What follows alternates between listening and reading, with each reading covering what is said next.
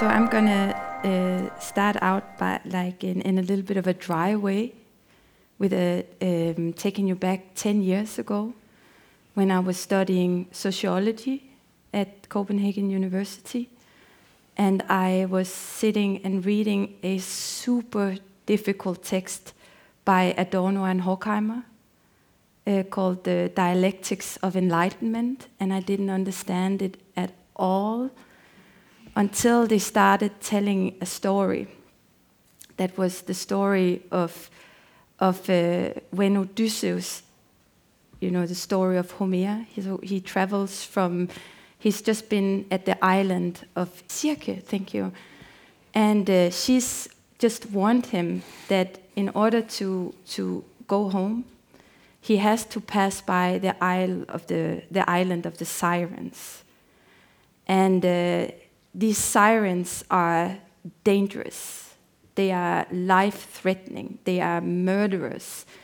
No ship had ever passed the island of the siren because when the sirens would see the, the ship passing, they would start the, these, these sirens, they were these like bird like, beautiful figures or creatures, bird like or fish like. But then they'd see the, when they would see a boat in the horizon, they would start singing.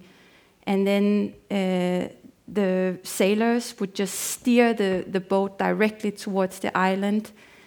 And, but before it would ever reach the island, it would uh, crash on these hard rocks these sharp rocks, and it would uh, burst, and the sailors would uh, drown. They would die before they would even reach the, the, the island. And then the sirens would either fly out or swim out, collect the dead bodies, drag them onto the island, put them in a pile, a big pile of, of rotting corpses, and dance and play flutes.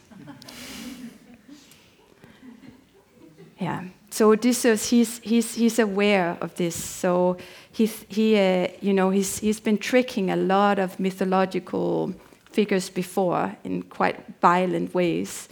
So he's, he's, so he's, he's, he's on a roll. So he's thinking, okay, what can I do now? So he, he um, first of all, he, he uh, puts, he, he's going to put wax in the ears of the sailors so that they can't hear the song of the siren.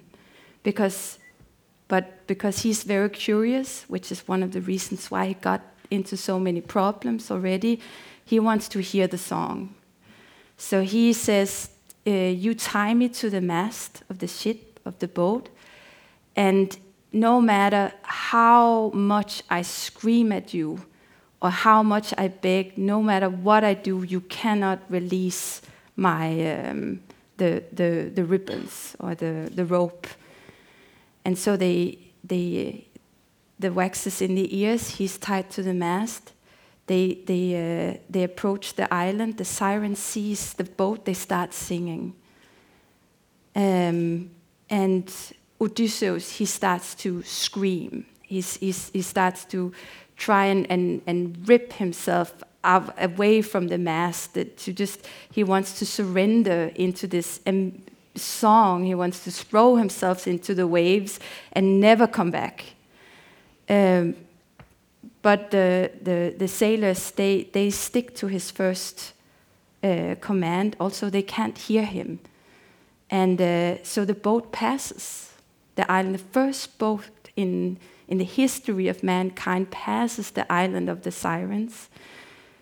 And uh, when the sirens sees the boat pass them by, they, they scream in, in horrible agony and they die on the uh, banks of the island.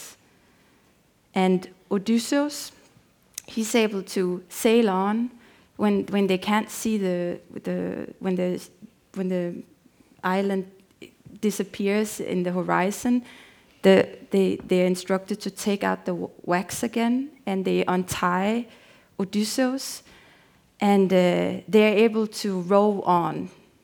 And uh, here says, uh, now we're back in the uh, with Adorno and Horkheimer, they say, this is the beginning of industrialized society. So they, they, they can sail home to in, and, and begin industrialized society as in a way as we knew it. Uh, because they, now they have, he has workers, Odysseus, that won't surrender to their senses, like to, to lust. They will stick to their machines in the factory because they are, they are, they are, they are numbed, like they can't hear. Odysseus, he's then in this class analysis, he's then the bourgeoisie that, that still can hear uh, the music. He's, he can sit in the theater, locked in, you know, tied to his seat, and watch the island of the siren, hear it, see it, but he cannot surrender to it. And the song of the siren is completely neutralized, they say it's perverted. It becomes an, an object of contemplation. It becomes art. Yeah. So this so so this is the this uh, this was my my reading. Then I started to understand, and then then uh, um, this reading turned into the first performance manifesto of my group Club de la Faille that we had made in, in Copenhagen, where we said, first of all, the sirens didn't die. That was just a male fantasy of Homer, right? So we would then manifest ourselves as these weakened sirens, like very, very, like very sick sirens, bodies that, that would then need to take vengeance over Odysseus this and, and to take vengeance over this rational mind that almost killed us. And so our first manifesto was made at Institutet, you know, Anders Carlsen and Ludwig's uh, in, in Malmö, where we, at a, this electronical music festival, where we, we took out all of the furniture of an office inside the theater, and then we turned that into the island of the siren. Uh, in a way, we made a performance installation. Then we would walk out into the to the to the um, festival, and we would we would invite people into our island, and we some just we wouldn't say much. We'd just say like, "I need you, I need you. Please come with me. Please come." Then we would get them, and then before they walked up this long staircase into the room, we would say, You have to make a first sacrifice of me to me. You, I, I need your sacrifice for me to grow stronger. And then it said, I need your eyes. So we would blindfold them. So they would sacrifice their eyes. So a sacrifice of this distance between them and then art.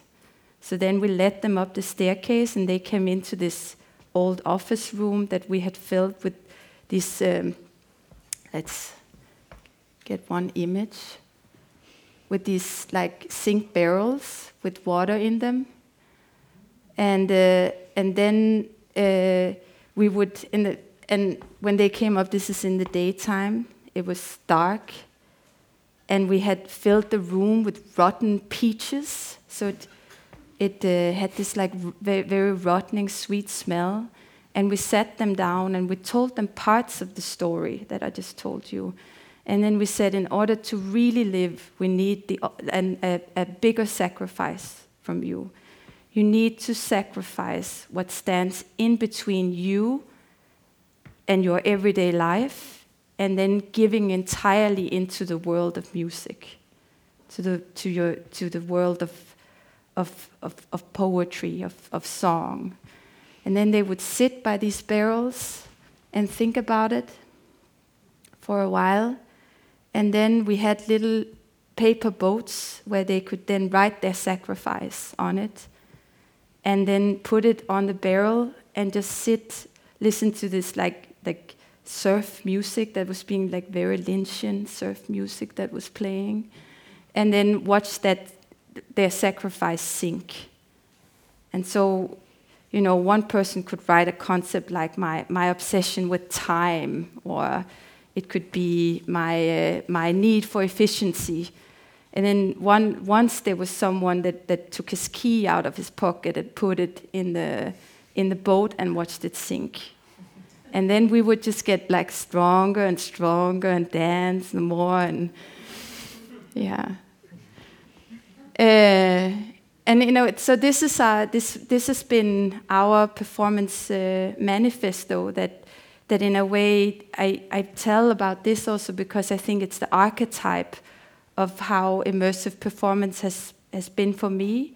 I saw it as I've always seen performance as activism. This work, I was studying sociology it was a, a, time in Copenhagen where there was a lot of attacks against all free spaces. The youth house was, had just been torn down, and, and I don't know, it's 10 years ago. Maybe it's not in, but but um, but it was just a, and I, I just felt that I, I had felt performance as such, such a strong force that to me this was what could really do something to people like you know, I would also, say like like what if what if the it's just also a fantasy that these sailors that they died and this that they killed them. Maybe they actually made it into the island and they created their perfect society on on the island of the siren. Who knew? Because no one ever went there.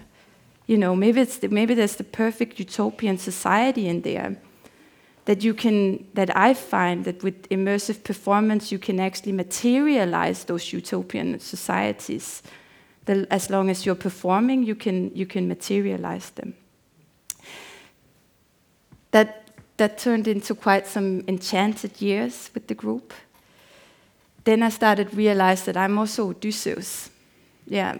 And that that uh, started having me thinking about some of the questions that we'll be talking about today in terms of also how one of my biggest questions is how can we provide for criticality within these kind of performances? And i find it so seldomly that any audience has ever said no to anything i've asked them to do. So like, and i want them to because i come from sociology i come from critical theory i want critical thinking so I have a, I have a, I have quite a problem with my genre, and I, I uh, now I have to come up with some smart audition plan with you. Thanks. Thank you. That's. Uh...